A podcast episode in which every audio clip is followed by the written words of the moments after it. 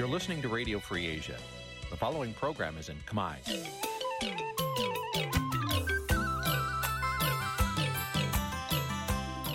នេះជាកម្មវិធីផ្សាយ Vuthu Azizi Serai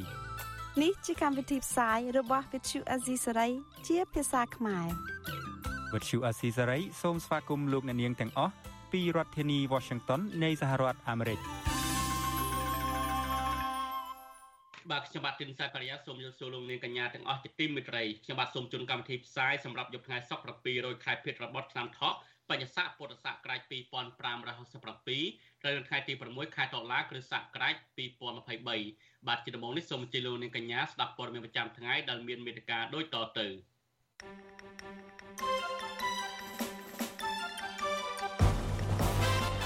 ក្រុមហ៊ុនផ្ទាំង ប៉ាណូ The Times Square ថារូបភាពស្វាគមន៍លហ៊ុនម៉ាណែតជារូបភាពคล้ายៗយុវជនចលនាមេត្តធម្មជាតិតវ៉ាឲ្យក្រសួងយុទ្ធភ័ពអនុញ្ញាតឲ្យពួកគេទៅទទួលពានរង្វាន់ការពារបរិស្ថាននៅក្រៅប្រទេសកម្មជនបាក់ភ្លើងទៀនដែលត្រូវបានជនសង្ស័យវេដំស្នើឲ្យអាជ្ញាធរថៃចាប់ជនល្មើស បាទនីតិវិទ្យាអ្នកស្ដាប់វិទ្យុអសិរ័យនៅយប់នេះនឹងជជែកអំពីថាតើរដ្ឋាភិបាលដឹកនាំដោយលោកហ៊ុនម៉ាណែតអាចស្ដារសេដ្ឋកិច្ចនិងស្ដារមុខមាត់កម្ពុជានៅលើឆាកអន្តរជាតិបានវិញដែរឬយ៉ាងណារួមនឹងព័ត៌មានសំខាន់សំខាន់មួយចំនួនទៀតបាទលោកនាងជាទីមេត្រីជាបន្តទៅនេះខ្ញុំបាទទីនសាការីយ៉ាសូមជូនព័ត៌មានពុស្ដាក្រុមហ៊ុនផ្សាយពាណិជ្ជកម្មលើផ្ទាំងប៉ាណូក្នុងតំបន់ Times Square បដិសេធថាពួកគេមិនដាល់ផ្សព្វផ្សាយរូបភាពលោកហ៊ុនម៉ាណែតនៅលើផ្ទាំងប៉ាណូរបស់ពួកគេនោះឡើយ។ និវិភាននយោបាយលើកឡើងថាការបដិសេធរបស់ម្ចាស់ផ្ទាំងប៉ាណូទាំងនេះឆ្លុះបញ្ចាំងពីការធ្វើនយោបាយបែបប្រជាពិធដ្ឋដោយគ្មានការពិតនិងមិនចេះខ្មាស់អៀនរបស់ប្រកុលហ៊ុននៅលើឆាកអន្តរជាតិបាទប្រធានាធិបតីវ៉ាស៊ីនតោនលោកលេងម៉ាលីរាយការណ៍ព័ត៌មាននេះក្រុមហ៊ុនផ្សាយពាណិជ្ជកម្មលើផ្ទាំងប៉ាណូនៅតំបន់ Times Square ក្នុងទីក្រុង New York លើកឡើងស្រដៀងគ្នាថារូបភាពស្វាគមន៍លោកហ៊ុនម៉ាណែតនៅលើផ្ទាំងផ្សព្វផ្សាយពាណិជ្ជកម្មរបស់ពួកគេគឺជារូបភាពคล้ายៗ អនុប្រធានក្រុមហ៊ុន Outfront Media ដែលជាម្ចាស់ផ្ទាំងប៉ាណូដ៏មានប្រជាប្រិយភាពស្ថិតនៅលើផ្លូវ1530ក្នុងតំបន់ Times Square លោក Douglas Cordova ប្រាប់វិទ្យុអស៊ីសេរីថាផ្ទាំងប៉ាណូរបស់ក្រុមហ៊ុនលោកមិនបានផ្សព្វផ្សាយរូបភាពលោកហ៊ុនម៉ាណែតនិងស្លាកសញ្ញាគណៈបកប្រជាជនកម្ពុជានោះទេដូចគ្នានេះដែរសហស្ថាបនិកក្រុមហ៊ុន Heritage Outdoor Media ដែលជាម្ចាស់កម្មសិទ្ធិប៉ាណូនៅខាងក្រោមប៉ាណូរបស់ក្រុមហ៊ុន Upfront Media លោក Terry Kamodi ប្រាប់វិទ្យុអស៊ីសេរីថាផ្ទាំងប៉ាណូក្រុមហ៊ុនរបស់លោកក៏មិនដែលផ្សព្វផ្សាយពាណិជ្ជកម្មអបអរសាទរលោកហ៊ុនម៉ាណែតនោះឡើយលោកបញ្ជាក់ថារូបភាពនៅក្នុងបណ្ដាញសង្គម Facebook ដែលបង្ហាញរូបលោកហ៊ុនម៉ាណែតនៅលើផ្ទាំងប៉ាណូរបស់ក្រុមហ៊ុនលោកនោះគឺជារូបភាពคล้ายៗតែប៉ុណ្ណោះដោយឡែកតំណាងក្រុមហ៊ុន Silvercast Media ដែលជាម្ចាស់ផ្ទាំងប៉ាណូធំជាងគេនៅទល់មុខសន្តាគារលំដាប់ផ្កាយ4 New York Marriott Marquis ប្រាប់ពទ្យុអស៊ីសេរីថាវីដេអូដែលលោកហ៊ុនសែនបានបង្ហោះនៅលើទំព័រ Facebook របស់លោកដោយបានសរសេរថាទាំងប៉ាណូនៅចំកណ្ដាលទីក្រុង New York តំបន់ Times Square ស្វាគមន៍វត្តមានសម្ដេចមហាបវរធិបតីហ៊ុនម៉ាណែតនាយករដ្ឋមន្ត្រីនៃព្រះរាជាណាចក្រកម្ពុជា នៅលើទឹកដីសហរដ្ឋអាមេរិកនោះគឺជាវីដេអូคล้ายៗនោះទេកន្លងមកក៏ធ្លាប់មានអ្នកលេង Facebook មួយចំនួនអះអាងថាវីដេអូរបស់លោកហ៊ុនសែនបង្ហោះនោះគឺជាវីដេអូคล้ายៗដែរ ហើយការផលិតវីដេអូកាត់តបែបនេះអាចធ្វើបានតាមរយៈគេហទំព័រផលិតមាតិកាទីផ្សារ Fiverr ដោយគ្រាន់តែចំណាយប្រាក់ត្រឹមតែ10ដុល្លារអាមេរិកតែប៉ុណ្ណោះវិទ្យុអស៊ីសេរីមិនអាចតាក់ទងប្រធានអង្គភិបអ្នកណែនាំពាក្យរដ្ឋាភិបាលលោកប៉ែនបូណា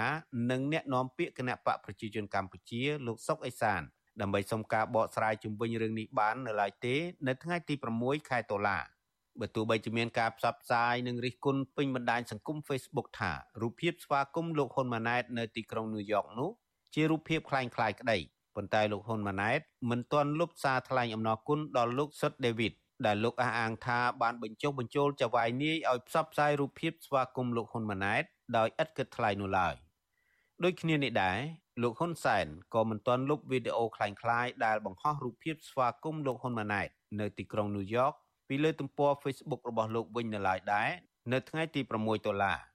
ជុំវិញរឿងនេះអ្នកវិភាគនយោបាយលោកកឹមសុខយល់ឃើញថាលោកហ៊ុនម៉ាណែតនិងលោកហ៊ុនសែន ក៏បានដឹងអំពីការផលិតវីដេអូរូបភាពคล้ายៗនៅលើផ្ទាំងប៉ាណូផ្សព្វផ្សាយពាណិជ្ជកម្មដែរប៉ុន្តែពួកគាត់នៅតែបន្តផ្សព្វផ្សាយនៅលើបណ្ដាញសង្គម Facebook ទាំងបំភ្លៃការពិតដើម្បីបោកប្រាស់ប្រជាពលរដ្ឋថាសហគមន៍អន្តរជាតិទទួលស្គាល់លោកហ៊ុនម៉ាណែតជានាយករដ្ឋមន្ត្រី នេះបង្ហាញច្បាស់ថាហ៊ុនម៉ាណែតជានាយករដ្ឋមន្ត្រីក្រៅឆាកហើយរឿងនេះដូចជាគ្រប់គ្រាន់ហើយឲ្យហ៊ុនម៉ាណែតលាលែងចេញពីតំណែងនាយករដ្ឋមន្ត្រីបើគាត់នៅមានមនសិការតែបន្តិចចេះខ្មាស់គេឯងថ្ងៃក្រោយគាត់មិនហ៊ានទៅចាប់ដៃមេដឹកនាំណាទៀតទេ វាជារូបភាពបោកច្បាស់ពេកហើយក៏ជាគំរូបោកមួយ ក្នុងចំណោមគំរូបោកប្រាស់រាប់មិនអស់ ដែលហ៊ុនម៉ាណែតនិងឪពុករបស់គាត់ បានប្រព្រឹត្តកន្លងមកនាយកកម្មវិធីអភិវឌ្ឍប្រព័ន្ធផ្សព្វផ្សាយនៅក្រុមហ៊ុន Alfron Media លោក Anthony Fontanello អះអាងថាបើទោះបីជាការផ្សព្វផ្សាយពាណិជ្ជកម្មនៅផ្ទាំងប៉ាណូត្រូវបានលក់បន្តទៅឲ្យក្រុមហ៊ុនផ្សព្វផ្សាយពាណិជ្ជកម្មផ្សេងក្តីប៉ុន្តែការផ្សព្វផ្សាយតាក់ទងនឹងសារនយោបាយនឹងមិនត្រូវបានអនុញ្ញាតឲ្យផ្សាយនោះឡើយព្រោះវាផ្ទុយទៅនឹងច្បាប់របស់ម្ចាស់ប៉ាណូ អ្នកវិភាគនយោបាយលើកឡើងថាការបដិសេធរបស់ក្រុមម្ចាស់ផ្ទាំងប៉ាណូទាំងនេះមិនត្រឹមតែធ្វើឲ្យលោកហ៊ុនម៉ាណែតនិងលោកហ៊ុនសែនរងភាពអាម៉ាស់នៅលើឆាកអន្តរជាតិប៉ុណ្ណោះទេប៉ុន្តែក៏ឆ្លុះបញ្ចាំងអំពីការធ្វើនយោបាយបែបប្រជាពិធដ្ឋដោយគ្មានការពិតនិងមិនចេះខ្មាស់អៀនរបស់ត្រកូលហ៊ុនផងដែរខ្ញុំបាទលេងម៉ាលីវិទ្យុអេស៊ីសេរី Washington នា យករដ្ឋមន្ត្រីសុសែនឪពុកនឹងចុះផ្សាយថាគេស្វាគមន៍កូនគាត់នៅលើទឹកដីអាមេរិកនឹងហើយបន្ទាប់ពីគេរិះគន់ទាំងឪពុកទាំងកូននឹងមកនាយករដ្ឋមន្ត្រីកូននេះក៏ចេញសារមកថាមិនអស់លុយជាតិអីមករៀលទេធ្វើរឿងដែលអត់មានប្រយោជន៍អីដល់ជាតិអីមិនតិចអញ្ចឹងខ្ញុំគិតថាវាគួរតែយើងនិយាយដើម្បីឲ្យគាត់ហ្នឹងអាចគិតទៅដល់រឿងធំធំដែលជាប្រយោជន៍ជាតិប្រសើរជាងយកអារឿងហ្នឹងយកមកនិយាយហើយមួយទៀតហ្នឹងគឺ ចង់ដាស់ស្មារតីប្រជាពលរដ្ឋនិងយុវជនយើងផងថាគ្រប់យ៉ាងកន្លងមកគឺគេបោកប្រាស់មានអាហ្នឹងអាហ្នឹងជារឿងតូចមួយដែលយើងគិតថាជារឿងតូចមួយគាត់បោកប្រាស់យើងចុះទម្រាំតែរឿងធំធំផ្សេងផ្សេងទៀតតែគាត់បោកប្រាស់យើងប៉ុណ្ណាទៅអញ្ចឹងអានេះវាគ្រាន់តែជាអ្វីដែលខ្ញុំចង់បញ្ញាអារម្មណ៍យុវជន ជាពិសេសបងប្អូនប្រជាពលរដ្ឋខ្មែរយើងហើយបងប្អូនខ្មែរយើងខ្លះគឺគាត់អត់យល់អំពីអារបៀបនៅក្នុងការប្រើប្រាស់អឺបច្ចេកវិទ្យាទេ អញ្ចឹងនៅពេលដែលគេនិយាយអីគាត់ជឿហើយ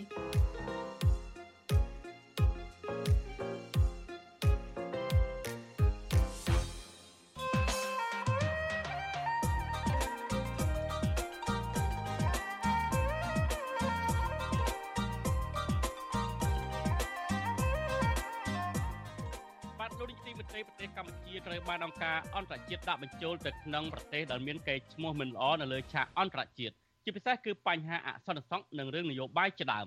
គឺដោយសារតែទង្វើអវិជ្ជមានទាំងអស់នេះហើយដែលបានធ្វើឲ្យកម្ពុជាបាត់បង់ប្រព័ន្ធអនុគ្រោះពន្ធរបស់សហភាពអឺរ៉ុបគឺ EBA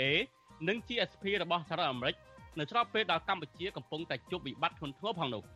ឥឡូវនេះប្រជាពលរដ្ឋមួយចំនួនកំពុងតែប្រឈមនឹងវិបត្តិសេដ្ឋកិច្ចធ្ងន់ធ្ងររោគចំណូលមិនបានជំពាក់បំណុលធនាគារអ្នកខ្លះទៀតសឹងតែរកអង្គច្រកឆ្នាំងគ្មានផង ហើយកម្មកររោងចក្ររាប់ម៉ឺននាក់បាត់បង់ការងារធ្វើថែមទៀតនារយៈពេលប្រមាណឆ្នាំចុងក្រោយនេះតើរដ្ឋាភិបាលដឹកនាំដោយលោកហ៊ុនម៉ាណែតអាចស្ដារសេដ្ឋកិច្ចនិងស្ដារមុខមាត់កម្ពុជានៅលើឆាកអន្តរជាតិបានវិញដែរឬទេ បាទសូមលោកនាងរងចាំទស្សនានីតិវិទ្យាអ្នកស្ដាប់វិទ្យុអាស៊ីសេរីដែលនឹងជជែកអំពីបញ្ហានេះនាពេលបន្តិចទៅនេះបាទបើសិនជាលោកនាងមានសំណួរឬក៏មតិយោបល់ចង់ចូលមកកាន់វិក្កាមិនរបស់យើង ទុំលោកនាងដាក់លេខទូរស័ព្ទនៅក្នុងក្នុង comment Facebook និង YouTube ដែលយើងកំពុងតែផ្សាយផ្ទាល់ទៅតាមបណ្ដាញសង្គម Facebook និង YouTube នៅពេលនេះហើយក្រុមការងាររបស់យើងនឹងហៅទៅលោកនាងវិញបាទសូមអរគុណបាទលោកនាងទីមេត្រីតកតទៅនឹងរឿងមួយទៀតយើងឃើញថានៅថ្ងៃនេះសកម្មភាពរបស់យុវជនចលនាមេដាធម្មជាតិបានដាក់ច្រវាក់ដៃជើងខ្លួនឯង ជាការបង្ហាញថារដ្ឋាភិបាលឬក្រសួងយុទ្ធភ័ពឬតុលាការការពិពេលថ្មីថ្មីនេះមិនអនុញ្ញាតឲ្យពួកគាត់ទៅទទួលពានរង្វាន់នៅឯប្រទេសស៊ុយអែតនោះទេពួកគាត់ធ្វើយុទ្ធនាការហែនេះគឺទៅកាន់ក្រសួងយុទ្ធភ័ពនៅថ្ងៃនេះដើម្បីទាមទារឲ្យខាងក្រសួងយុទ្ធភ័ពអនុញ្ញាតឲ្យពួកគាត់ទៅទទួលពានរង្វាន់អ្នកការពារបរិស្ថាននិងសិទ្ធិមនុស្សនៅឯប្រទេសស៊ុយអែតបាទសូមលោកនាងស្ដាប់សេចក្តីរាយការណ៍របស់លោកតារារិទ្ធសែនអំពីបញ្ហានេះ ក្រុមយុវជនចលនាមេដាធម្មជាតិប្រមាណ10នាក់នៅថ្ងៃរសៀលទី6តុលាបានប្រមូលផ្ដុំគ្នានៅផ្សាររាត្រីជាប់មាត់ទន្លេដើម្បីដង្ហែញត្តិទៅដាក់នៅក្រសួងយុតិធធក្នុងគោលបំណងស្នើសុំកិច្ចអន្តរាគមន៍ពីរដ្ឋមន្ត្រីក្រសួងយុតិធធជំរុញឲ្យតុលាការអនុញ្ញាតឲ្យពួកគេបានទៅទទួលពានរង្វាន់កម្រិតអន្តរជាតិ Right Livelihood នៅប្រទេសស៊ុយអែតក្រុមយុវជនចលនាមេដាធម្មជាតិនៅថ្ងៃនេះបានរុំដៃ និងជើងដោយច្រវាក់ដង្ហែគ្នាជាជួរក្រោមដំណក់ទឹកភ្លៀងបង្ហាញពីសិទ្ធិសេរីភាពរបស់យុវជននៅប្រទេសកម្ពុជា គឺកំពុងស្ថិតនៅក្នុងការរឹតបន្តឹងកម្រិតធ្ងន់ធ្ងរមួយ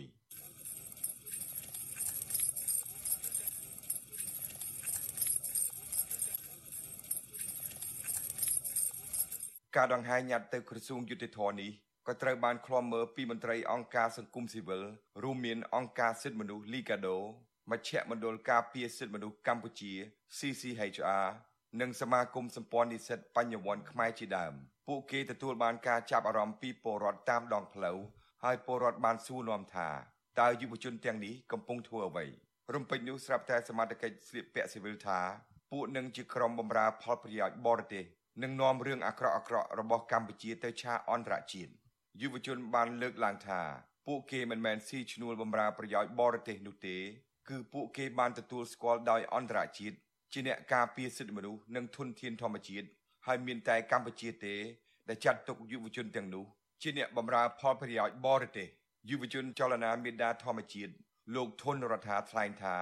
ការដែលក្រុមយុវជន នៅតែបន្តទៀមទាឲ្យក្រសួងយុទ្ធភ័ពជំរុញឲ្យតុលាការអនុញ្ញាតឲ្យក្រុមយុវជនចលនាមេដាធម្មជាតិបានទៅទទួលពានរង្វាន់ដោយផ្ទាល់នៅប្រទេសស៊ុយអែតគឺជារឿងចាំបាច់មួយ សម្រាប់នាំគេឈ្មោះកម្ពុជាទៅលើឆាកអន្តរជាតិនិងបង្ហាញថាកម្ពុជាមានធនធានយុវជនក្លាហានចេញមុខការពារសិទ្ធិមនុស្សនិងធនធានធម្មជាតិយើងកំពុងតែយកលិខិតដើម្បីដាក់ម្ដងទៀតទៅកាន់រដ្ឋមន្ត្រីក្រសួងយុទ្ធភ័ពក្នុងការទាមទារឲ្យមានការស្នើសុំអន្តរាគមន៍ម្ដងទៀតឲ្យពួកយើងអាចចាក់ចេញទៅកាន់ប្រទេសស៊ុយអែតដើម្បីទៅទទួលពានរង្វាន់ផ្ទាល់បានបាទវិទ្យុអាស៊ីសេរីពុំអាចតាក់ទងแนะនាំពាក្យក្រសួងយុទ្ធភ័ព លោកជិនម៉ាលីនដើម្បីសុំការឆ្លើយតបជុំវិញបញ្ហានេះបាននៅឡើយទេនៅថ្ងៃទី6តុលាទោះយ៉ាងណានាយកផ្នែកតស៊ូមតិនៃមជ្ឈមណ្ឌលសិទ្ធិមនុស្សកម្ពុជា លោកសួនយុធា មានប្រសាសន៍ថាការអនុញ្ញាតឲ្យក្រុមយុវជនបានទៅទទួលពានរង្វាន់កម្រិតពិភពលោកនេះនឹងនាំគេឈ្មោះកម្ពុជាកាន់តែល្បីល្បាញនៅលើឆាកអន្តរជាតិលោកស្នើដល់ក្រសួងយុតិធធនិងស្ថាប័នតុលាការ គួរតែអនុញ្ញាតឲ្យពួកគេបានទៅទទួលពានរង្វាន់ដោយផ្ទាល់ខ្ញុំយល់ថាក្រសួងយុទ្ធភ័ពឬក៏ស្ថាប័នតុលាការហ្នឹងគួរលោកគួរតែពិចារណាម្ដងទៀតឡើងវិញដោយយកចិត្តទុកដាក់បំផុតពីព្រោះលោកមិនអាចសម្រេចត្រឹមចាមកថាมันមានភាពចាំបាច់នោះទេដែលមិនឲ្យពួកគាត់ទៅលោកត្រូវមានអង្គច្បាប់ហើយនិងអង្គហេតុច្បាស់លាស់បញ្យលមកសាធារណជនក៏ដូចជាពួកគាត់យុវជនមេដាធម្មជាតិទាំងនោះបាននាំគ្នាដាក់ញត្តិនៅតុលាការក្រុងភ្នំពេញ កាលពីថ្ងៃទី29កញ្ញា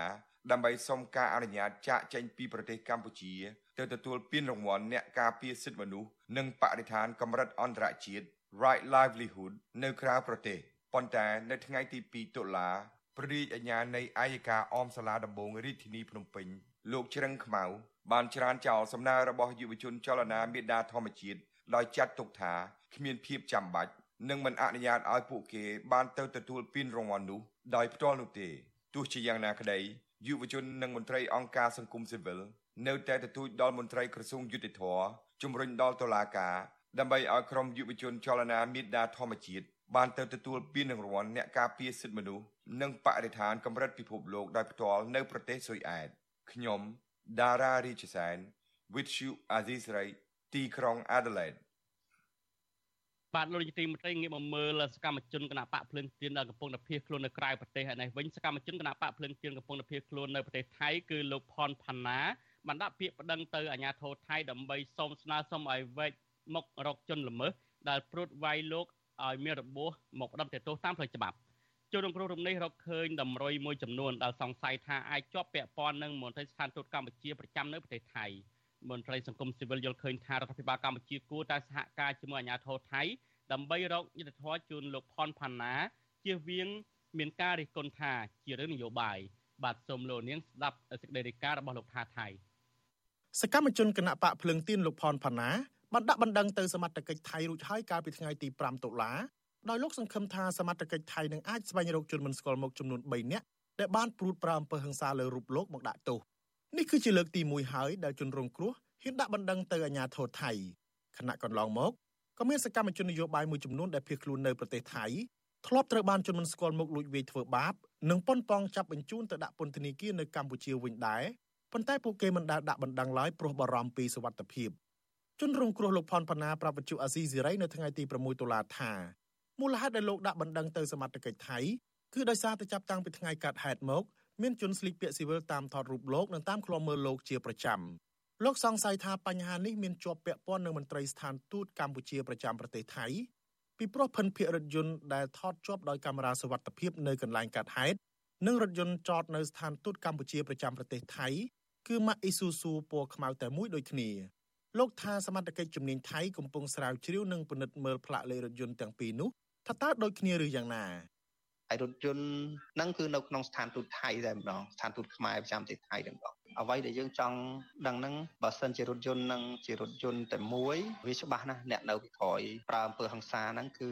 គឺស្ថានទូតខ្មែរប្រចាំនៅប្រទេសថៃហ្នឹងតែម្ដងជាអ្នកបញ្ជាឬក៏អ្នកមកអនុវត្តផ្ទាល់នៃការប្រើអំពើហិង្សាលើរាងកាយខ្ញុំហ្នឹងលោកផនផាណាអះអាងថាការដាក់សង្ស័យលើមន្ត្រីស្ថានទូតកម្ពុជាប្រចាំប្រទេសថៃ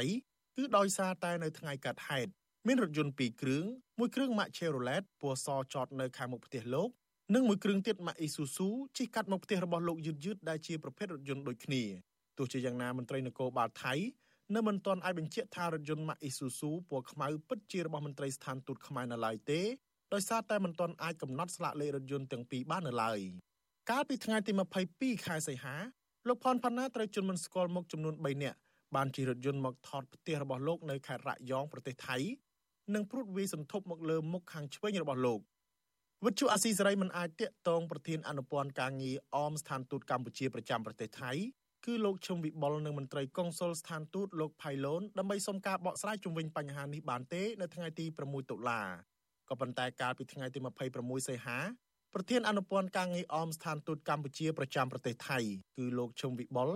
ដែលល្បីខាងដើរអូសទាញកម្មករឲ្យចុះចូលជាមួយនឹងគណៈបកប្រជាជនកម្ពុជា និងតែងគម្រាមកំហែងលើសកម្មជនបកប្រឆាំងកន្លងទៅបានបង្ហោះសារប្រៀបធៀបសកម្មជននយោបាយនិងអ្នកដែលហ៊ានរិះគន់ការដឹកនាំរដ្ឋាភិបាលរបស់លោកហ៊ុនម៉ាណែតថាជាកូនកណ្ដុរហើយរូបលោកជាឆ្មាចាំចាប់កណ្ដុរជុំវិញបញ្ហានេះនាយកទទួលបន្ទុកកិច្ចការទូតទៅនៃអង្គការឃ្លាំមើលសិទ្ធិមនុស្សលីកាដូលោកអំសំអាតមានប្រសាសន៍ថាអាញាធរកម្ពុជាគួរតែស៊ើបអង្កេតឲ្យបានដិតដល់ពាក់ព័ន្ធនឹងករណីមានជនមិនស្គាល់មុខប្រអំពើហិង្សាលើសកម្មជនបកប្រឆាំងដើម្បីស្ដារមុខមាត់រដ្ឋាភិបាលថ្មី ខ្ញុំគាត់ថាមានចំណាប់អារម្មណ៍ជាទីថាដើម្បីកុំឲ្យមានជៀសវាងក្នុងការរិះគន់តាក់ទងជាមួយនឹងការចាប់ជូនជនភៀសខ្លួនដែលរត់ទៅថៃហើយមកកម្ពុជាវិញឬក៏អពើហិង្សាទៅលើជនភៀសខ្លួនឥឡូវកម្ពុជាយើងគួរតែមានកិច្ចសហប្រតិបត្តិការឬក៏ថៃគួរតែមានការគោរពសិទ្ធិទៅតាមគោលការណ៍សកលស្តីពីសិទ្ធិមនុស្សហើយនឹងដល់កិច្ចការពារទៅលើពលគ្រប់រូប ក្រៅពីលោកផនផាណារងការវាយដំដោយអំពើហិង្សាសកម្មជនបកប្រឆាំងដែលភៀសខ្លួននៅថៃផ្សេងទៀតក៏ធ្លាប់ត្រូវបានជនមិនស្គាល់មុខព្រួតវាយបណ្ដាលឲ្យរងរបួសហើយអ្នកខ្លះទៀតក៏ត្រូវបានអាជ្ញាធររបស់លោកហ៊ុនសែនសហការជាមួយអាជ្ញាធរថៃចាប់បញ្ជូនទៅដាក់ពន្ធនាគារនៅកម្ពុជាវិញជាបន្តបន្ទាប់ដែរដើម្បីបំបិតមាត់មិនឲ្យមានសម្លេងរិះគន់ពីប្រទេសថៃលោកផនផាណាជាអតីតសកម្មជនគណៈបកសង្គ្រោះជាតិចន្លោះពីឆ្នាំ2016ដល់ឆ្នាំ2020នៅប្រទេសកូរ៉េខាងត្បូងបន្ទាប់មក លោកបានវិលត្រឡប់មករស់នៅប្រទេសកម្ពុជាវិញដោយចូលរួមសកម្មភាពនយោបាយជាមួយនឹងគណៈបកភ្លើងទៀនក្នុងទូនាទីជាអនុប្រធានយុវជនថ្នាក់ជាតិប៉ុន្តែក្រោយមកលោកផនផាណាបានភៀសខ្លួនទៅប្រទេសថៃដើម្បីរក្សាសុវត្ថិភាពកាលពីខែសីហាឆ្នាំ2022ដោយសារតុលាការក្រមខ្សែញាក់របស់លោកហ៊ុនសែនបានកាត់ទោសឲ្យលោកជាប់ពន្ធនាគារ5ឆ្នាំរួមជាមួយនឹងថ្នាក់ដឹកនាំនិងសកម្មជនរាប់សិបនាក់ទៀត ពាក់ព័ន្ធនឹងការចាត់ប្រកាន់រឿងគាំទ្រគម្រោងវិលជុលស្រុករបស់ប្រធានស្ដីទីគណៈបកសង្គ្រោះជាតិលោកសំរងស៊ីបើទោះបីជាលោកផនផាណាកំពុងប្រឈមនឹងជីវភាពលំបាកនិងរងការធ្វើទុកបុកម្នេញពីជនមិនស្គាល់មុខក្តីក៏លោកនៅតែប្រកាន់គោលជំហរមិនជ្រើសរើសយកការចោះចូលជាមួយគណៈបកកណ្ដាលអំណាចដើម្បីបដូរយកសេរីភាពឡើយខ្ញុំថាថៃពីទីក្រុងមែលប៊ន បាទលោកនាងជាទីមេត្រីព័ត៌មានថ្មីចុងក្រោយដែលយើងនៅថ្ងៃនេះគឺថាសមត្ថកិច្ចនៅខេត្តកោះកុងហ្នឹងគឺបានដោះលែងសកម្មជនដីធ្លីពីររូបវិញហើយបន្ទាប់ពីចាប់ឃុំខ្លួនគឺអ្នកស្រីផាវយើងហើយនិងអ្នកស្រីសេងលីននៅការដោះលែងនេះគឺនៅល្ងាចថ្ងៃទី6ដុល្លារនេះតែម្ដងការសម្រេចដោះលែងនេះគឺនៅក្រៅពេលចលាអធរប្រចាំតំបន់ស្ថិតនៅខេត្តប្រសេះនុបានសម្រេចដោះលែង អ្នកស្រីផៅយើងហើយអ្នកស្រីសេងលីនកាលពីថ្ងៃម្សិលមិញបាទយើងខ្ញុំបានព្យាយាមតាក់ទងទៅអ្នកស្រីផៅយើងដែរដើម្បីសុំសម្ភាសបន្ថែមជំវិញនឹងការដោះលែងនេះក៏ប៉ុន្តែមិនទាន់តាក់ទងបាននៅឡើយហើយសូមលោកនាងរងចាំតាមដានលំអិតទៀតអំពីព័ត៌មានអ្នកស្រីផៅយើងដែលសេចក្តីនឹងផ្សាយជជម្រាបជូននៅពេលក្រោយទៀតបាទលោកនាងទីមេត្រីនៅពេលនេះដែរយើងខ្ញុំយើងខ្ញុំបានទទួលសំណូមពរពីអ្នកស្ដាប់និងអ្នកទស្សនារបស់យើងច្រើនណាស់ ថាកុំឲ្យដាក់ចំណងជើងផ្ទុយពីខ្លឹមសារនៃព័ត៌មានឧទាហរណ៍ដូចជាដាក់ចំណងជើងថា Vivo ហើយលោកហ៊ុនសែនទៅតុលាការព្រហ្មទណ្ឌអន្តរជាតិ ICC យកទៅកាត់ទោសជាដើមក៏ប៉ុន្តែនៅពេលចុចស្ដាប់ទៅមិនលឺនិយាយអំពីរឿងនេះសោះបានយើងខ្ញុំសូមជម្រាបថាការដកចំណងជើងខុសពីខ្លឹមសារទាំងនេះគឺជាការបោកប្រាស់របស់ក្រុមអ្នករកស៊ីតាម YouTube ដើម្បីរកលុយតែប៉ុណ្ណោះពួកគេលួចយកខ្លឹមសារនៃការផ្សាយរបស់វិទ្យុអស៊ីសេរីទៅកាត់តរួចបដូរចំណងជើងតាមរបៀបផ្លាច់ផ្លាច់ហួសហេតុ ខុសពីការពិតក្នុងគោលបំណងទាក់ទាញចិត្តលោកនាងកញ្ញាឲ្យទៅចុចស្ដាប់ឬទស្សនាដើម្បីបាន view ឬបានអ្នកចូលទស្សនាច្រើន មានអ្នកចុចស្ដាប់កាន់តែច្រើន ពួកគេក៏កាន់តែរកប្រាក់បានច្រើនដែរអាស៊ីសេរីមិនដាល់ដាក់ចំណងជើងខុសពីខ្លឹមសារនោះឡើយលោកនាងកញ្ញាអាចចូលរួមស្ដាប់អឺលោកលោកនាងកញ្ញាសំទោសលោកនាងកញ្ញាអាចចូលរួមទប់ស្កាត់ការបោកប្រាស់ទាំងនេះបានដោយ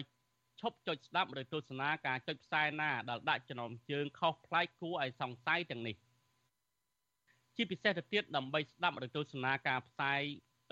ព័ត៌មានពិតរបស់វិទ្យុអាស៊ីសេរីសូមលោកនាងចូលទៅក្នុង Channel របស់អាស៊ីសេរីតែម្ដង ដែលមានអាស័យដ្ឋាន youtube.com@rfa ខ្មែរបាទសូមអរគុណ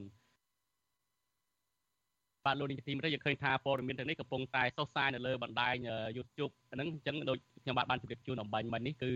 គុំចុចស្ដាប់អីឃើញចំណងជើងណាផ្លាយដែលដាក់មក Vivo ហើយអីចឹងជាដើមគឺជាការបោកប្រាស់របស់ក្រុមទុច្ចរិតដែលរកលុយតាមអនឡាញតាម YouTube តែប៉ុណ្ណោះបាទលោកនាងទីមេត្រីនៅពេលបន្តិចទៀតនេះលោកនាងនឹងបានទស្សនានីតិវិទ្យាអ្នកស្ដាប់វិទ្យុអស៊ីសេរីហើយលោកនាងដែលបានស្ដាប់ព័ត៌មានប្រចាំថ្ងៃដែលជម្រាបជូនដល់ខ្ញុំបាទទីនសាការីយ៉ានៅពេលនេះអឺ សូមចាប់តែប៉ុណ្ណេះហើយតាមដានទស្សនានេតិវិទ្យាអ្នកស្ដាប់អសិរ័យនៅពេលបន្តិចទៀតបាទសូមអរគុណ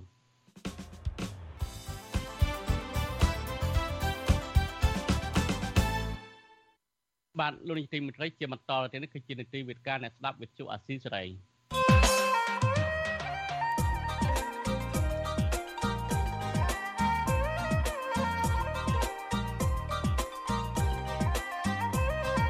វេទិកាអ្នកស្ដាប់វិទ្យុអាស៊ីសេរី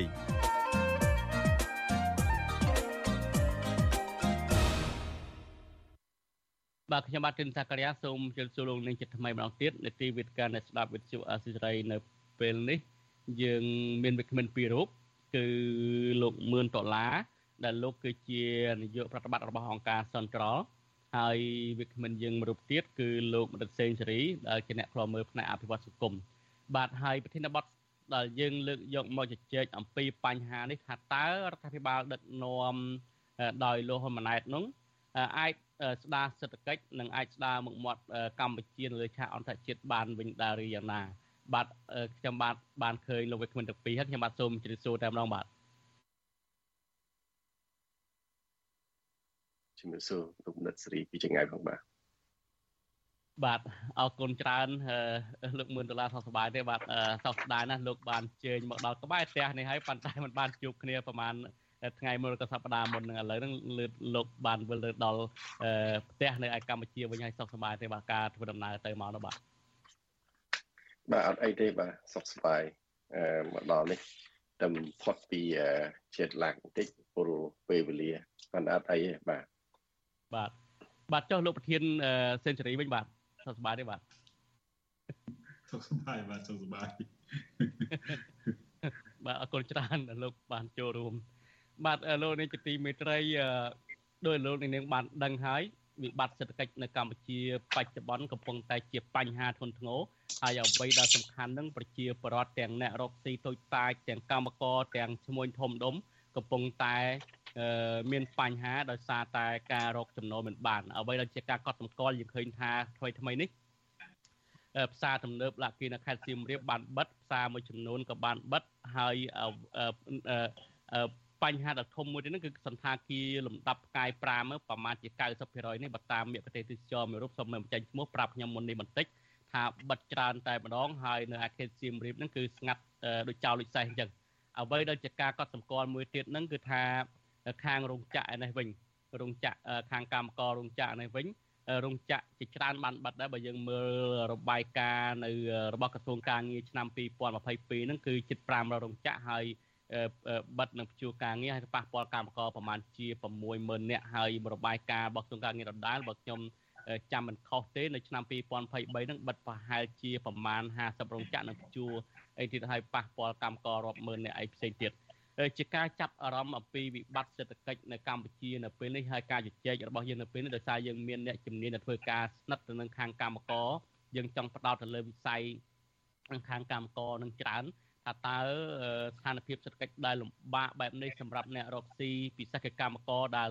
ពឹងអាស្រ័យទៅលើប្រាក់ចំណូលប្រាក់ខែប្រចាំថ្ងៃហ្នឹងហើយឥឡូវរោងចក្របិទអត់ការងារធ្វើហ្នឹងពួកគាត់ មានស្ថានភាពបែបណាហើយបញ្ហានេះយ៉ាងម៉េចទៅវិញខ្ញុំជាដំបូងខ្ញុំសូមជម្រាបសួរលោកមឿនដុល្លារពីបញ្ហានេះតើស្ថានភាពកម្មករបច្ចុប្បន្ននឹងដូចនេះទៅបាទបាទអរគុណច្រើនលោកសកញ្ញាហើយសូមជម្រាបសួរសាជាថ្មីបងប្អូនអឺជនរួមជាតិដែលតែងតែតាមដានទស្សនាក៏ដូចជាតាមដានស្ដាប់វិទ្យុអឺវិទ្យុអស៊ីសេរីហើយទាំងតាម វិទ្យុក៏ដូចជាតាមប្រព័ន្ធអនឡាញអឺ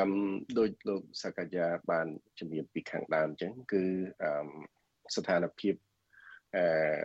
សេដ្ឋកិច្ចនៅកម្ពុជាយើងនេះហាក់ដូចជាមិនទាន់មានភាពប្រសើរឡើងនៅឡើយទេហើយ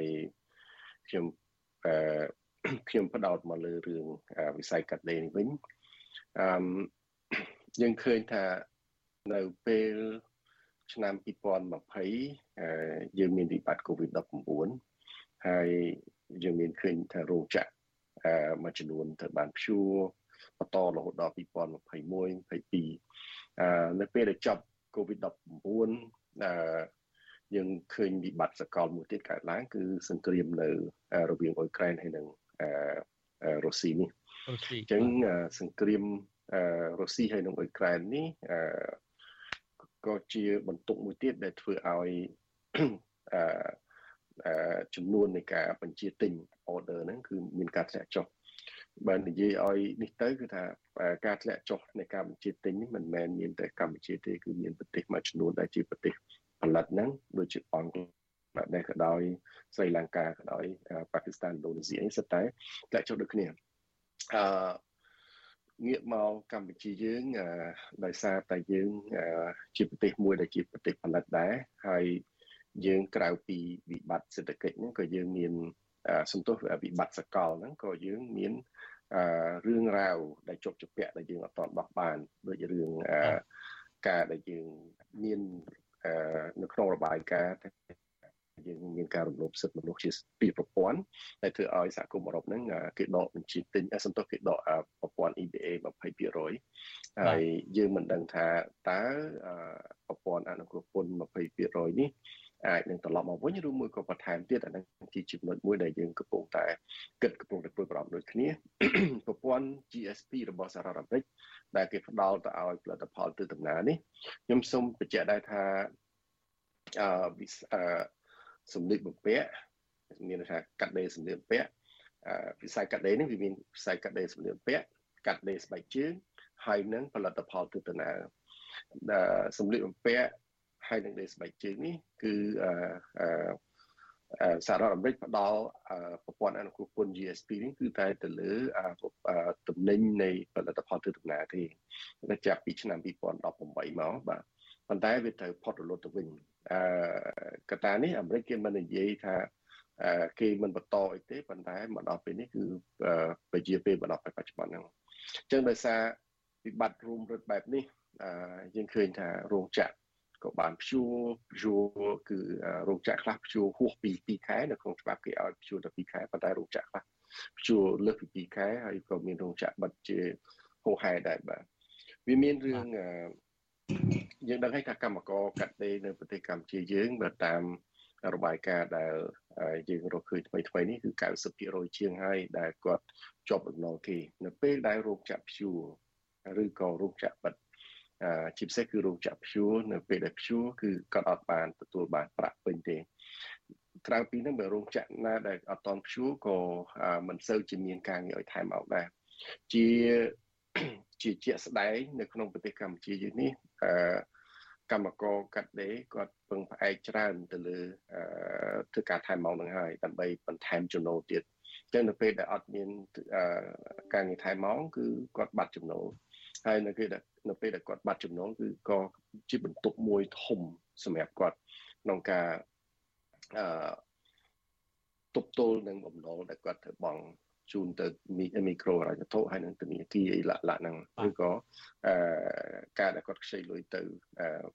អ្នកផ្ដល់កម្ចីអីផ្សេងផ្សេងអឺអញ្ចឹងបានយើងឃើញមានកម្មករមួយចំនួនហ្នឹងគាត់ព្យាយាមអឺសន្សំឬក៏ចំណាយតិចបំផុតទៅលើម្ហូបអាហារដើម្បីសន្សំនៅថវិកាមួយចំនួនហ្នឹងអឺដើម្បីសងបំណុលដោះបំណុលទៅគេវិញ អឺដោយហេតុផលនឹងហើយដែលដែលយើងមើលឃើញថាមានពលរដ្ឋខ្មែរយើងមួយចំនួនចាប់ផ្ដើមចំណាក់ស្រុកទៅកើតមានមានមានកើនឡើងនៃការធ្វើចំណាក់ស្រុកទៅប្រទេសថៃហើយការកើនឡើងនេះគឺតាំងពីឆ្នាំតាមឆ្នាំ2023មកគឺមានការកើនឡើងជាពិសេសនៅតាមបណ្ដោយព្រំដែន ខេត្តដែលជាបណ្ដោយព្រំដែនកម្ពុជាហ្នឹងដូចជាអដមមានជ័យបន្ទាយមានជ័យបាត់ដំបងអីទីទីហ្នឹងគឺថាអឺបើសិនជាយើងដើរទៅមើលខាងតាមសហគមន៍គាត់គឺថាដូចជាស្ងាត់ហើយអឺរយៈប្រហែលជាអឺ លោកសាច់កាយាអាចមើលឃើញនៅក្នុង page របស់សង្ប្រាល់ក៏យើងយើងបានបកស្រង់នៅថ្ងៃនេះមានពលករដែលគាត់ត្រឡប់មកវិញហើយចែកដនទៅមានទឹកជំនន់ហើយគាត់ទៅឆ្លងទន្លេមិនដឹងទៅណារួចអឺឃើញមានក្រុមការងារសង្គ្រោះហ្នឹងគឺយកកធុននឹងអឺអឺដឹកគាត់អូសតាមទឹកហ្នឹងឯងហើយកូនកូនកូនងានបាទនេះគឺជាវិបត្តិមួយដែលយើងឃើញថាអឺ យើងយើងត្រូវត្រូវមានការដោះស្រាយហើយរដ្ឋគួរតែពិចារណារឿងជំនួយសង្គមអីផ្សេងផ្សេងដែលដែលដើម្បីដោះនៅទុកលំបាករបស់ប្រជាពលរដ្ឋហ្នឹងបាទខ្ញុំសូមសង្ខេបប៉ុណ្្នឹងបាទបាទបាទអរគុណច្រើនលោកមុនតឡាដោយដែលលោកបានមានប្រសាសន៍ពីខាងដើមអំបញ្ញមិញអញ្ចឹងតកតងនឹងកម្មករមិនមែនតែការក្រៅពីបាត់បង់ការងារ អឺនៅប៉ុណ្ណោះទេអ្វីដែលជាបញ្ហាប្រឈមបច្ចុប្បន្ននឹងទៀតហ្នឹងគឺការជំពាក់បំណុលធនាគារដែលលោកលើកឡើងថាជំពាក់ប្រមាណជា90%ហើយបញ្ហាជំពាក់បំណុលនេះខាង Central ក៏បានចេញរបាយការណ៍ស៊ើបអង្កេតរួមជាមួយខាងលីកាដូកន្លងមកដែរហ្នឹងឃើញថាកម្មករដែលធ្វើការរហូតដល់ជំពាក់បំណុលវ៉ាន់កហើយដែលមានចំនួនដែលជំពាក់បំណុលហ្នឹងគឺប្រមាណជាង2លាន6សែននាក់ហើយជំពាក់បំណុលហ្នឹងជាមធ្យមគឺជាងជិត3000ដុល្លារក្នុង មនុស្សម្នាក់ឃើញថាបញ្ហានេះក៏ជាវិបត្តិធ្ងន់ធ្ងរសំខាន់មួយដែរប៉ុន្តែជាការកត់សម្គាល់មួយទៀតងាកមករឿងវិបត្តិសេដ្ឋកិច្ចដែលលោកលើកឡើងថាវាជាវិបត្តិសកលបើយើងមើលមិនមែនតែនទៅទោះជាយ៉ាងណាក៏ដោយប្រទេសជិតខាងយើងឃើញថាសេដ្ឋកិច្ចមិនប៉ះពាល់ដូចនៅកម្ពុជាទេកម្ពុជាអាចថាបើអ្នកមគ្គទេសទេសចរខ្ញុំសូមបើកបង្កញ្ចក់បន្តិចនៅខាងខេត្តសៀមរាបបានលើកឡើងថាការដែលធ្វើឲ្យប៉ះពាល់សំខាន់គឺរឿងអាស្រូវរបស់កម្ពុជាតែម្ដង ដែលមានរឿងអសន្តិសុខសង្គមនៅកម្ពុជា បញ្ហាវិបត្តិនយោបាយដោយវីដេអូឯកសារវីដេអូរបស់ចិនដែលចេញ no more bed ដែលចេញផ្សព្វផ្សាយថ្មីថ្មីនេះអញ្ចឹងអំពីបញ្ហាជួញដូរមនុស្សការចាប់ចម្រិតអញ្ចឹងហើយដល់កតាដែលធ្វើឲ្យប៉ះពាល់ដល់វិស័យទេសចរហើយអ្នកលក់ដូរអ្នកអីលែងបានស៊ីមរៀបស្ងាត់មែនតើយើងយើងមើលក្នុងវីដេអូនេះឃើញទាំងអស់គ្នាហើយហើយបើងាកទៅប្រទេសថៃវិញយើងឃើញថា ទោះយ៉ាងណាក៏ដោយសេដ្ឋកិច្ចថៃនៅតែរឹងមាំដដាលហើយរដ្ឋនឹងរដ្ឋាភិបាលថ្មីដូចគ្នាចេញមកគឺបានបញ្ចេញលុយទៅឲ្យបរដ្ឋក្រីក្រនឹងឲ្យជា credit card ម្នាក់10000បាតប្រហែល10000បាតហើយជួបកសិករជួយកសិករអីចឹងជាដើមប៉ុន្តែសម្រាប់មកកម្ពុជាវិញហាក់បីដូចជាអត់មានរដ្ឋាភិបាលអត់មានទុនណាមួយដើម្បីបញ្ចេញឲ្យអ្នករកស៊ីទេហើយ ដោយសារលោកនិតសេនស៊ូរីដែលអ្នកសិក្សាផ្នែកអភិវឌ្ឍសង្គមហើយដឹងរឿងច្រើនដែរបើសិនជាក្នុងស្ថានភាពដោយលោកមឿនដុល្លារបាននិយាយអញ្ចឹងកម្មករចំណាក់ស្រុកក៏កាន់តែច្រើននៅពេលថៃប៉ះពាល់សេដ្ឋកិច្ចដូចគ្នាប៉ុន្តែនៅតែមានការងារឲ្យកម្មករខ្មែរធ្វើអញ្ចឹងអ្នកខ្លះលួចឆ្លងដែនចូលតាមព្រៃតាមអីទៀតអញ្ចឹងជាដើមតើ វិបត្តិសេដ្ឋកិច្ចនៅកម្ពុជាពិសេសផ្នែកវិជ្ជាភ័ណ្ឌកាត់ដេរឬក៏ខាងកម្មកររោងចក្រហ្នឹងនៅតែបន្តអញ្ចឹងវានឹងវិវត្តទៅជាយ៉ាងណាទៅវិញទៀតបាទសូមជ័យបាទជំរាបសួរអឺលោកមឿនដុល្លារហើយជាថ្មីមកទៀតជំរាបសួរលោកបញ្ញានិងបងប្អូនអ្នកស្ដាប់អាស៊ីសេរីដើម្បីយើងអាចធ្វើការវិតម្លៃថាតើសេដ្ឋកិច្ចកម្ពុជានឹងមានវិបត្តិឬមិនមានវិបត្តិ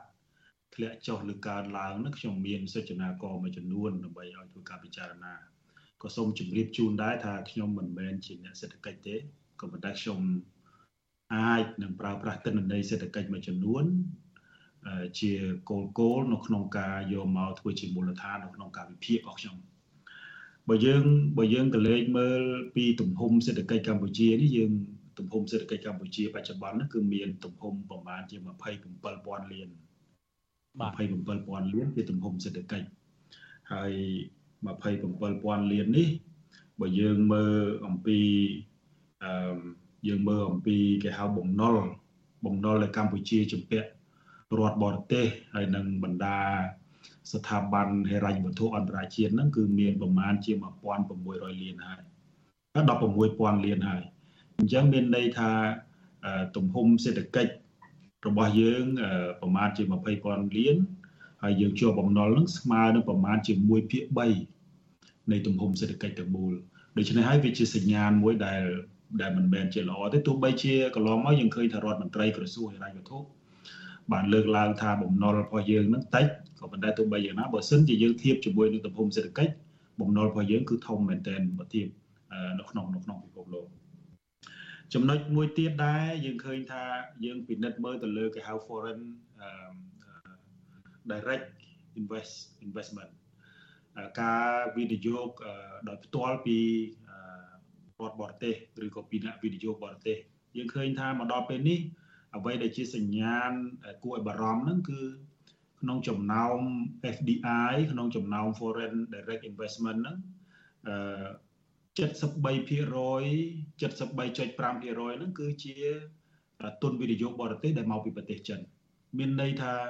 ដំណើរសេដ្ឋកិច្ចឬក៏ទំហំសេដ្ឋកិច្ចរបស់យើងហ្នឹងគឺពឹងពាក់ទៅលើរដ្ឋកៅរដ្ឋបរទេសតែមួយរហូតដល់73%ដូច្នេះហើយដង្ហើមសេដ្ឋកិច្ចរបស់កម្ពុជា មានន័យថាបើចិនមានវិបត្តិសេដ្ឋកិច្ចកម្ពុជាប្រកាសណាស់នឹងមានវិបត្តិសេដ្ឋកិច្ចហើយសញ្ញាណនៃការ មានវិបត្តិសេដ្ឋកិច្ចនៅប្រទេសចិនហ្នឹងក៏កំពុងតែមានសញ្ញាណកាន់តែច្បាស់ហើយកើនឡើងដែរដូច្នេះយើងឃើញថាមកដល់ពេលនេះជាឧទាហរណ៍ខ្ញុំបង្ហាញថាឧទាហរណ៍ដូចនៅប្រទេសឡាវទំហំ foreign direct investment របស់ឡាវរបស់ប្រទេសឡាវហ្នឹងគឺពឹងផ្អែកទាំងស្រុងប្រមាណជាជិត80%គឺមកពីទុនវិនិយោគរបស់ប្រទេសចិនដូច្នេះហើយយើងឃើញថាឡាវកំពុងតែធ្លាក់ចូលក្នុង វិបត្តិសេដ្ឋកិច្ចធ្ងន់ធ្ងរមួយដែលដែលលុយរបស់ឡាវហ្នឹងមានគេហៅថាប៉ោងឡើងឬក៏លុយហើមហ្នឹងកាន់តែខ្លាំងអាហ្នឹងសញ្ញាណទី2សញ្ញាណទី3បើយើងពិនិត្យមើលរបាយការណ៍របាយការណ៍របស់ធនាគារពិភពលោកលោកដុល្លារបានលើកហើយថាពលរដ្ឋដែលធ្វើការនៅក្នុងវិស័យវិជ្ជាភ័ណ្ឌហ្នឹងមានប្រមាណជា90%ប៉ុន្តែខ្ញុំចង់បន្ថែមទៅលើទិន្នន័យមួយចំនួនថា ពលរដ្ឋយើងបច្ចុប្បន្ននេះកំពុងតែជំពាក់លុយធនាគារហ្នឹងប្រមាណជា2លាន6សែនដោយលោកសាកាយាឡាលើកឡើងអញ្ចឹងហើយក្នុងម្នាក់ម្នាក់ហ្នឹងគឺជំពាក់លុយធនាគារ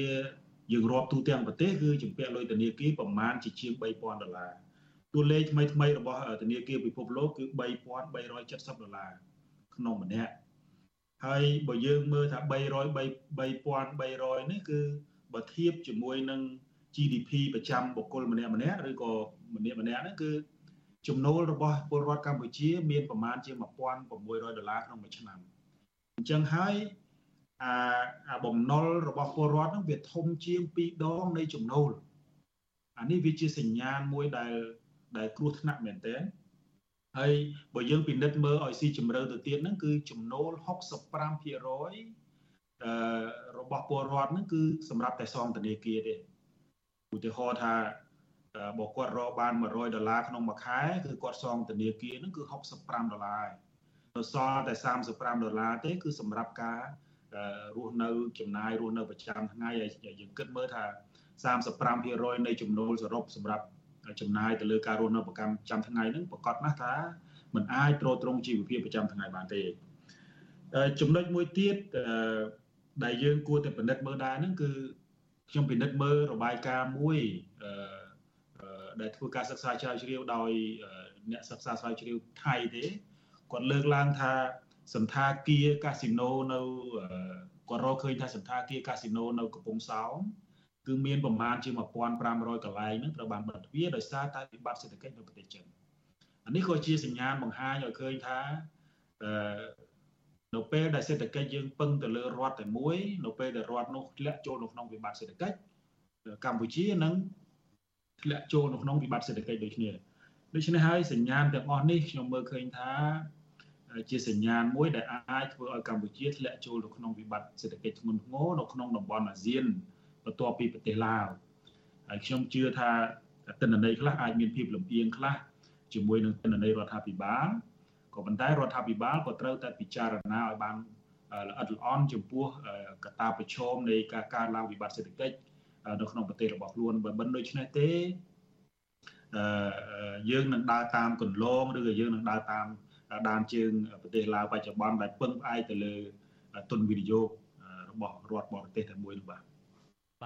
បាទអរគុណច្រើន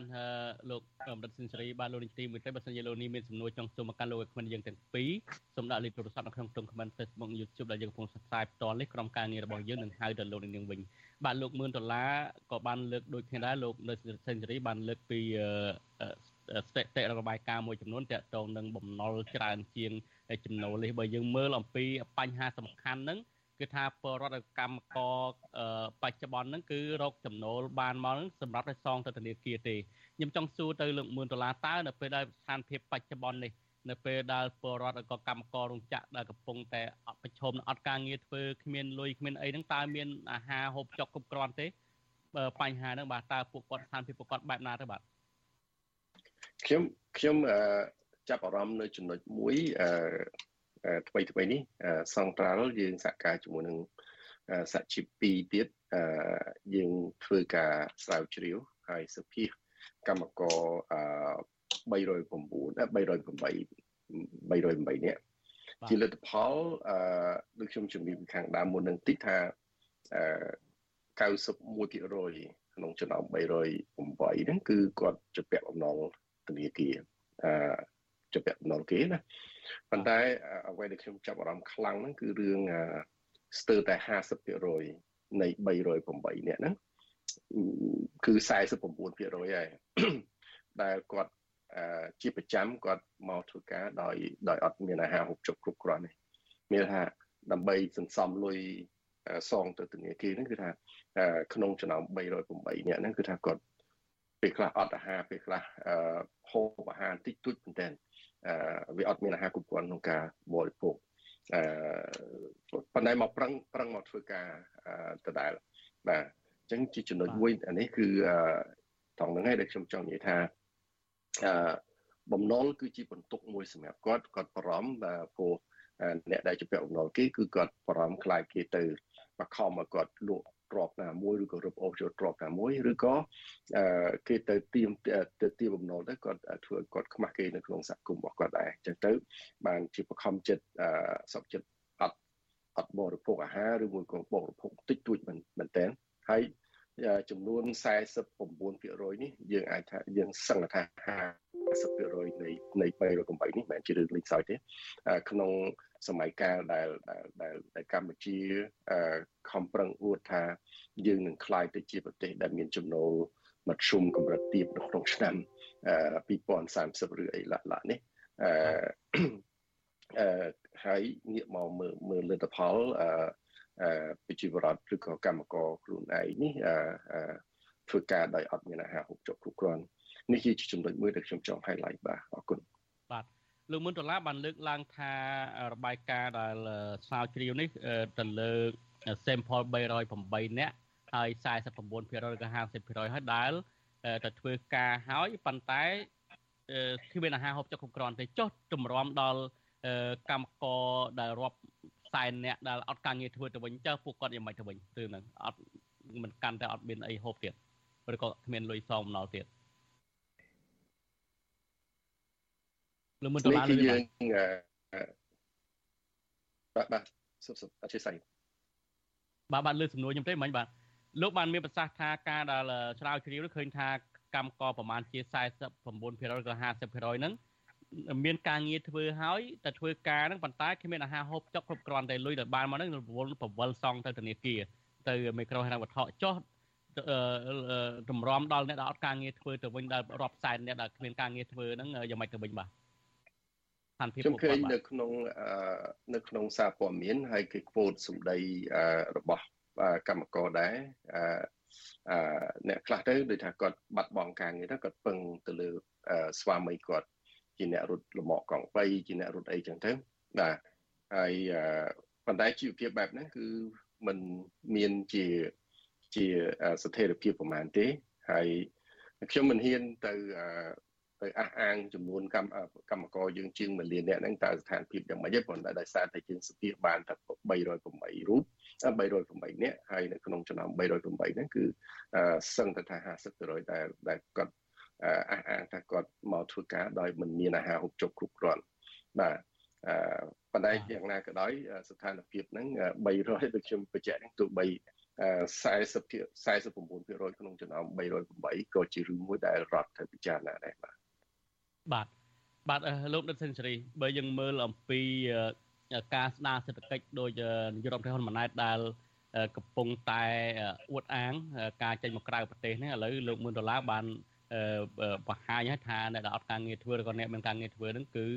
មានលុយតិចតួចសងទៅខាងធនាគារហើយអត់អាហារហូបចុកគ្រប់គ្រាន់ទេហើយមួយចំនួនទៀតបាត់បង់ការងារហ្នឹងពឹងទៅលើប្តីរត់កង់3អីអញ្ចឹងឥឡូវអ្នករត់កង់3រមាក់អីហ្នឹងបាត់ភ្ញៀវទេសចរក៏រលុយមិនសូវបានទៀត តើវិបត្តិហ្នឹងនឹងទៅជាយ៉ាងណាវិញអ្វីដែលសំខាន់មួយទៀតតើរំពឹងទេថានាយករដ្ឋមន្ត្រីហ៊ុនម៉ាណែតអាចស្ដារសេដ្ឋកិច្ចបានបង្កើតការងារឲ្យយុវជនឲ្យកម្មករអីបានវិញបើលោកដែលមកញើយកប្រហែលថ្ងៃមុននេះបានទៅវិញប្រកាសអួតអាងថានៅក្នុងវេទិកាធុរកិច្ចហ្នឹងលោកបានជួបតំណាងក្រុមហ៊ុន58ហើយក្នុងនោះបានជួបក្រុមហ៊ុនប៊ូអេងដាច់ដライប៉ុន្តែការអួតអាងនេះមិនឃើញថាក្រុមហ៊ុនណាមួយដែលដាក់ទុនវិនិយោគនៅមួយកម្ពុជាទេខុសពីថៃថៃ គេជួបតែខាងក្រុមហ៊ុន Tesla Elon Musk ហ្នឹងប៉ុន្តែគេដាក់ទុន5ប្រហែលជា5000លានដុល្លារបាត់ទៅហើយតើលោកអាចបញ្យល់បានទេការជួបនៅក្នុងវេទិកាធុរកិច្ចហ្នឹង58ហ្នឹងគាត់តែជួបជាវេទិកាទេឬក៏វាប្រកាសថាអ្នកទាំងអស់ហ្នឹងទៅអ្នកមួយចំនួនទៅវិនិយោគនៅកម្ពុជាសូមបញ្យល់កន្លែងហ្នឹងតិចមើលតើអាចស្ដារកើតទេកន្លែងហ្នឹងខ្ញុំខ្ញុំខ្ញុំខ្ញុំឆ្លើយចេះថារបបដឹកនាំដែលដួលរលំ ជារបបដឹកនាំបែបផ្ដាច់ការដែលដួលរលំកន្លងមកហ្នឹងគឺបើយើងតាមដានសិក្សាមើលអំពីការកើតឡើងនៅក្នុងឧបទ្វីបអារ៉ាប់ក៏ដូចជាបណ្ដាប្រទេសមួយចំនួននៅអាស៊ីហ្នឹងគឺកើតឡើងដោយសារតែវិបត្តិសេដ្ឋកិច្ចហើយបើខ្ញុំមើលទៅរដ្ឋាភិបាលរបស់លោកហ៊ុនម៉ាណែតនេះបើសិនជាបន្តនៅតែជឿលើទិន្នន័យរបស់មន្ត្រីរបស់ខ្លួនដែលបំផោង អំពីទិន្នន័យទាំងអស់ហ្នឹងខ្ញុំគិតថានៅពេលដែលរដ្ឋាភិបាលមួយសម្រេចចិត្តដោយឈលលើទិន្នន័យបំផោងបែបនេះអ្វីដែលសំខាន់នឹងអាចប្រឈមទៅនឹងវិបត្តិដែលមិនដោយដោយមិនដឹងខ្លួនព្រោះនៅពេលដែលខ្លួនសម្រេចចិត្តដោយឈលលើទិន្នន័យបែបនេះចឹងហើយចេះតែមានចម្ងល់ទៅហេតុអីបានអាចមិនអាចដោះស្រាយឲ្យត្រូវបញ្ហាខ្ញុំចង់ជម្រាបជូនចេះថាម៉ាស៊ីនសេដ្ឋកិច្ចរបស់កម្ពុជាបច្ចុប្បន្ន យើងមើលឃើញតែមានតែម៉ាស៊ីនសេដ្ឋកិច្ចមួយចំនួនប្រហែលជា3 4ទេទី1គឺរោងចក្រវិជ្ជាភ័ណ្ឌគឺរោងចក្រកាត់ដេរដែលស្រូបកម្លាំងពលកម្មប្រមាណជាតួលេខគត់ប្រមាណជា1លានដែរចឹងហើយយើងឃើញថាថ្មីថ្មីនេះមានរបាយការណ៍ប្រមាណជា6ទៅ7ម៉ឺននាក់ហើយដែលមិនមានការងារធ្វើដោយឡែកទន្ទឹមនឹងហ្នឹងក្រសួងការងារដែលជាសេនាសតិការផ្ទាល់របស់នាយករដ្ឋមន្ត្រីនោះ រាយការណ៍ថាមនុស្ស99%នោះមានការងារធ្វើដូច្នេះនៅពេលដែលនាយករដ្ឋមន្ត្រីជឿទៅលើទិន្នន័យរបស់មន្ត្រីរបស់ខ្លួនបែបនេះគឺមានន័យថាមិនចាំបាច់ឆ្លើយតបទៅនឹងអ្វីដែលកំពុងកើតឡើងមនុស្សប្រមាណជា60000នាក់នៅក្នុងវិស័យកាត់ដេរនឹងកំពុងតែអត់ការងារធ្វើទេព្រោះដោយសារទិន្នន័យវា99%ទៅហើយអានឹងចំណុចទី1បើយើងមើលវិស័យមួយទៀតដែលរយចំណូលនៅកម្ពុជាប្រមាណជាមួយភាគ3នៃទំហំសេដ្ឋកិច្ចសរុប គឺវិស័យទេសចរយើងឃើញថាកំពុងតែជាប់គាំងហើយទន្ទឹមគ្នានឹងរដ្ឋមន្ត្រីក្រសួងទេសចរនឹងរាយការណ៍រាយការណ៍ថាទេសចរនឹងកើនឡើងរហូតដល់250%ប៉ុន្តែថ្មីថ្មីនេះខ្ញុំរកឃើញថាគាត់យកទិន្នន័យនេះទៅធៀបជាមួយនឹងឆ្នាំ2022ឬក៏ឆ្នាំ2021ដែលកំពុងតែកើតឡើងកូវីដដែលកំពុងតែកើតកូវីដហើយគ្មានទេសចរសោះដូច្នេះអាការ រាយការណ៍របៀបបន្លំទៅទៅនាយករដ្ឋមន្ត្រីបែបនេះអញ្ចឹងមានន័យថានាយករដ្ឋមន្ត្រីមិនចាំបាច់ឆ្លើយមានអត់មានគោលនយោបាយឬក៏យុទ្ធសាស្ត្រនៅក្នុងការឆ្លើយតបទៅនឹងការបាត់បង់ភ្ញៀវទេសចរនៅក្នុងវិស័យទេសចរកម្ពុជាទេព្រោះវាកើនឡើង50 250%ទៅហើយអានឹងចំណុចទី2ចំណុចទី3យើងមើលចំណាក់ស្រុកយើងមើលចំណាក់ស្រុក ចំណាក់ស្រុកលោកមឿនដុល្លារដែលជាស្ថាប័នមួយដែលលោកមឿនដុល្លារសង្ត្រាល់ដែលជាស្ថាប័នមួយតែធ្វើការសិក្សាឬក៏ធ្វើការផ្ទាល់ជាមួយនឹងចំណាក់ស្រុកពលករចំណាក់ស្រុកនឹងខ្ញុំក៏ធ្លាប់ឮលោកដុល្លារអះអាងឬក៏ពឹងផ្អែកទៅលើទិន្នន័យគឺយើងឃើញថាមានពលករខ្មែរដែលធ្វើការនៅក្រៅប្រទេសនឹងជាង2លានអ្នកនោះតែក្នុងហ្នឹងគឺគ្រាន់តែប្រទេសថៃតែមួយហ្នឹងគឺ ប្រមាណជា2លានទៅហើយទោះបីយ៉ាងណាក៏ដោយគឺ2លានអ្នកនេះគឺពឹងទៅលើសេដ្ឋកិច្ចថៃទាំងស្រុងបើសិនជាក្នុងករណីថៃមានវិបត្តិសេដ្ឋកិច្ចអត់មានការងារធ្វើវិស័យទេសចរថៃក៏ធ្លាក់ចុះវិស័យសំណង់ថៃក៏ធ្លាក់ចុះអញ្ចឹងហើយមនុស្ស2លានហ្នឹងនឹងនឹងប្រឈមនឹងគ្មានការងារធ្វើអាចត្រឡប់មកកម្ពុជាវិញប៉ុន្តែជាសំណាងដោយសារតែថៃអាចគ្រប់គ្រងស្ថានភាពនៃការនៃវិបត្តិសេដ្ឋកិច្ចបាន ដែលអាចបង្កបរិយាកាសឲ្យពលករខ្មែរទាំងស្របច្បាប់ទាំងមិនស្របច្បាប់អាចមានចំណូលឡើងវិញទាំងហើយក៏ជាតាមពិតទៅថៃពលករចំណាកស្រុក2លានអ្នកដែលធ្វើការនៅប្រទេសថៃនេះក៏ជាការជួយដោះបន្ទុករដ្ឋាភិបាលកម្ពុជាច្រើនណាស់ដែរក៏ប៉ុន្តែសេវារដ្ឋផ្សេងផ្សេងដែលផ្ដល់ទៅពលករនៅក្នុងប្រទេសថៃហ្នឹងគឺផ្ដល់ហ្នឹងគឺយកចិត្តទុកដាក់ពេលតែមុនបោះឆ្នោតទេយើងឃើញហើយមុនការបោះឆ្នោត2023នេះ គឺមានគណៈកម្មការមន្ត្រីជាន់ខ្ពស់របស់គណៈបកកណ្ដាលអំណាចច្រើនណាស់មិនត្រឹមតែមកជួយនៅក្នុងការសម្រួលទៅដល់ការធ្វើប៉ាសពតសម្រួលដល់ជីវភាពទេឆ្លៀតមកបំបែកកម្លាំងអ្នកប្រជាធិបតេយ្យដែលមាននិន្នាការគ្រប់គ្រងគណៈបកប្រឆាំងអីផងអាហ្នឹងមានន័យថាយើងឃើញថាមានការយកចិត្តដាក់តែប៉ុណ្ណឹងទេប៉ុន្តែឥឡូវនេះក្រោយការបោះឆ្នោតហ្នឹងក៏ ចាប់ផ្ដើមដកកម្លាំងនៅក្នុងការជួយជួយពលករឡើងវិញហើយទូតក៏ចាប់ផ្ដើមធ្វើកិច្ចការងារប្រមូលរកប្រាក់ចំណូលអីឡើងវិញដែរដូច្នេះហើយខ្ញុំខ្ញុំត្រឡប់មកវិញទេខ្ញុំថាជាយោបល់ដើម្បីបញ្ជាវិបត្តិសេដ្ឋកិច្ចគឺទី1គឺលោកហ៊ុនម៉ាណែតជាជានាយករដ្ឋមន្ត្រីនឹងក៏គួរតែចាប់ផ្ដើមពិចារណាទៅលើទិន្នន័យដែលមានមកពីដែលមកពីប្រភពឯករាជ្យ ពីបណ្ដាអង្គការសង្គមស៊ីវិលដែលធ្វើការជាលក្ខណៈបច្ចេកទេសព្រោះទិន្នន័យដែលបានមកពីមន្ត្រីរបស់ខ្លួននឹងប្រើការសម្រាប់បង្កើតគោលនយោបាយផែនការយុទ្ធយុទ្ធសាស្ត្រនៅក្នុងការឆ្លើយតបទៅនឹងបញ្ហារបស់ពលរដ្ឋមិនត្រូវទេហើយខ្ញុំក៏ជាអ្នកតាមដានកិច្ចការងារសង្គមខ្ញុំក៏ឃើញដូចនេះដែរក៏ប៉ុន្តែអ្វីដែលមិនគួរឲ្យជឿហ្នឹងគឺលោកហ៊ុនម៉ាណែតនៅតែប្រើទិន្នន័យដែលបានមកពីមន្ត្រីរបស់ខ្លួន ហើយអាហ្នឹងវាជាវាជាការទទួលខុសត្រូវរបស់រដ្ឋាភិបាលហើយបើសិនជាក្នុងករណីដែលมันអាចបញ្ជាវិបត្តិសេដ្ឋកិច្ចបាន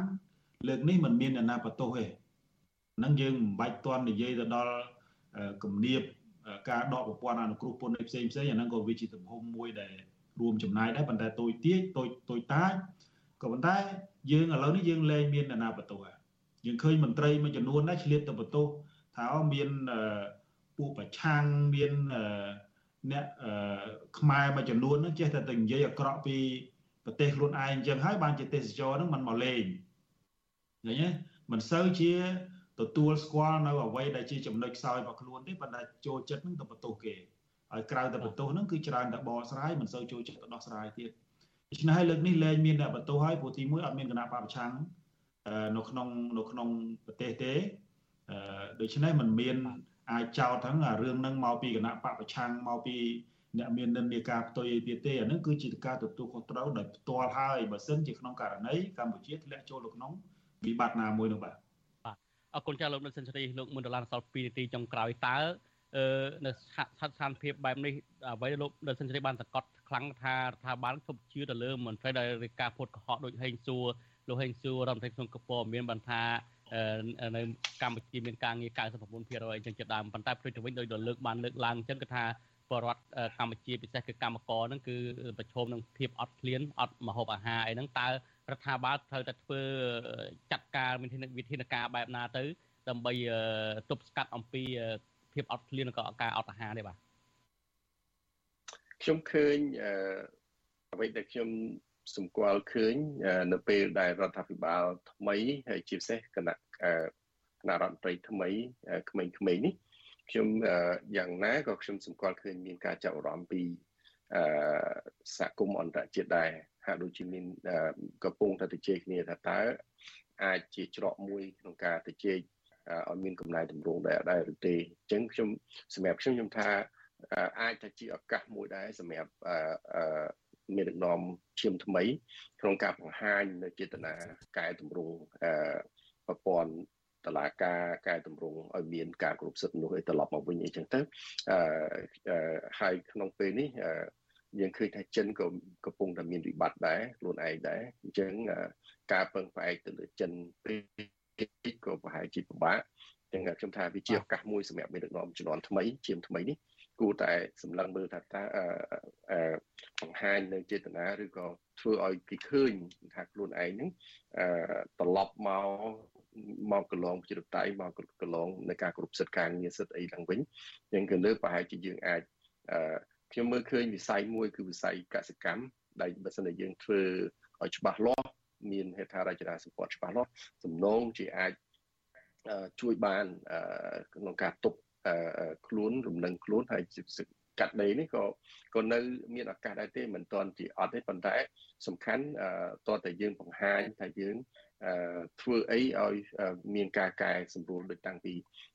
ដូចជាច្បាប់សហជីពច្បាប់ NGO ឬមួយក៏សេរីភាពសហព័ន្ធមានអីឡាក់ឡាក់ហ្នឹងបាទខ្ញុំសូមប៉ុណ្្នឹងចុះបាទអរគុណបាទអរគុណច្រើនលើក1ដុល្លារទោះបីជាលោកមានហាប់រិចមានសុទ្ធិសុទ្ធិនិយមក៏ដោយលើបញ្ហានេះក៏ដោយទៅលើរដ្ឋាភិបាលថ្មីនេះក៏ដោយប៉ុន្តែបើយើងមើលអំពី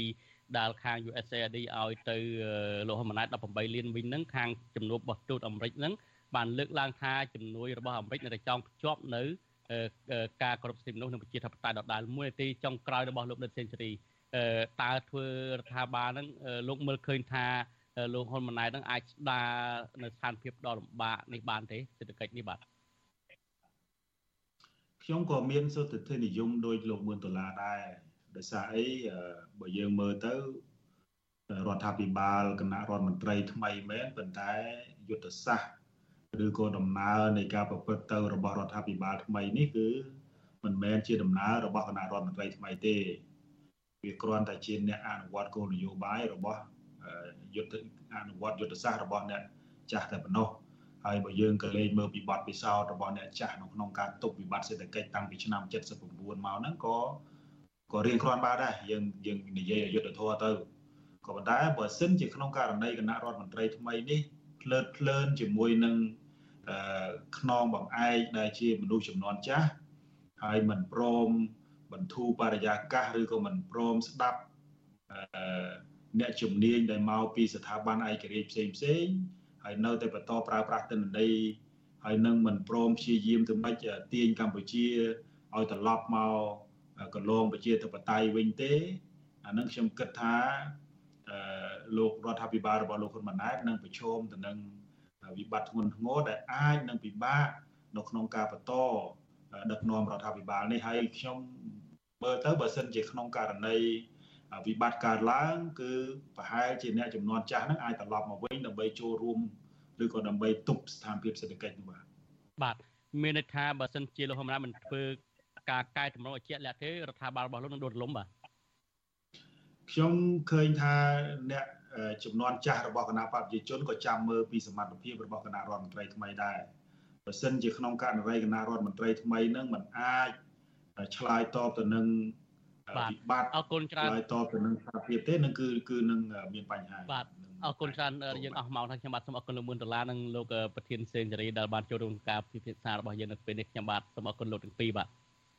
បាទអរគុណបាទបាទអរគុណសូមជម្រាបលាបាទបាទបាទលោកទីមិត្តរីការផ្សាយរបស់យើងដល់ទីបញ្ចប់ទៅហើយខ្ញុំបាទទីនសាក្រាសូមអរគុណលោកនាងដែលតែងតែចូលរួមទស្សនាការផ្សាយរបស់យើងជារៀងរាល់ថ្ងៃហើយយើងនៅមានព័ត៌មានថ្មីថ្មីទៀតសម្រាប់ចាក់ផ្សាយជូនលោកនាងនៅក្នុងកម្មវិធីផ្សាយរបស់យើងនៅព្រឹកស្អែកសម្រាប់ពេលនេះខ្ញុំបាទទីនសាការីយ៉ានិងសហការី